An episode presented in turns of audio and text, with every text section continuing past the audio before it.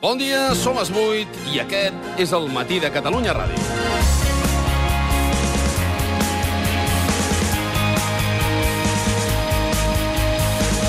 El cas Bárcenas se li ha escapat de les mans al Partit Popular, que ja no té elements per aturar un tsunami que pot arrossegar tots els dirigents històrics del partit.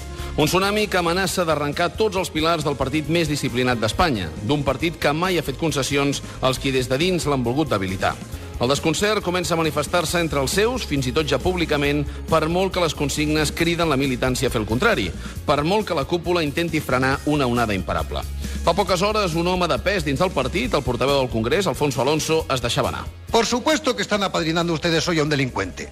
Están siendo manejados, son útiles a su estrategia, responden como autómatas. Hacen lo que él esperaba que ustedes hicieran, para desviar la atención, para que nadie se pregunte de dónde sacó ese dinero el señor Bárcenas, cómo limpiamos, porque eso es lo que le preocupa al Partido Popular, una trama de corrupción que sí ocurrió dentro del Partido Popular.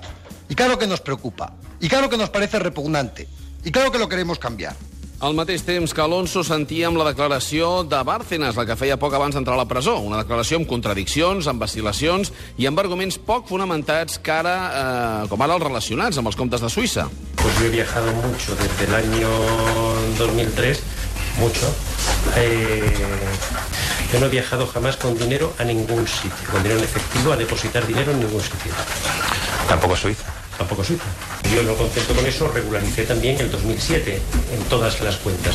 Pero el 2007 es un ejercicio sobre el que también pagué Hacienda, por cierto, siendo el ejercicio en el que tenía las mayores plusvalías, porque tenía 6 millones de euros de plusvalías sobre los que tributar, lógicamente. La declaració que va fer davant el jutge quan encara no havia decidit engegar el ventilador. Una declaració que serà molt diferent de la de dilluns perquè Bárcenas ara sí que vol parlar. També podrem sentir els pròxims dies les explicacions de Maria Dolores de Cospedal, citada a declarar per la Fiscalia Anticorrupció. De Cospedal, la secretària general del Partit Popular. Les declaracions relacionades amb el cas Bárcenas no han estat les úniques a les últimes hores que han generat sorpresa. També hem sentit Pep Guardiola fent retrets a la Junta del Barça. Si Guardiola té raó o no és cosa de dos, però el millor entrenador del Barça de la història. Se li pot exigir responsabilitat. Responsabilitat per pensar en el bé del club i, per tant, responsabilitat per no fer declaracions que només perjudiquen l'entitat, siguin quins siguin els motius de discrepància. I més quan Guardiola defensa ara el rival europeu del Barça.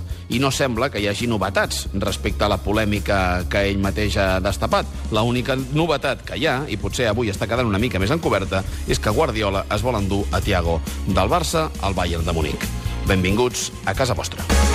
El matí de Catalunya Ràdio, amb Manel Fuentes.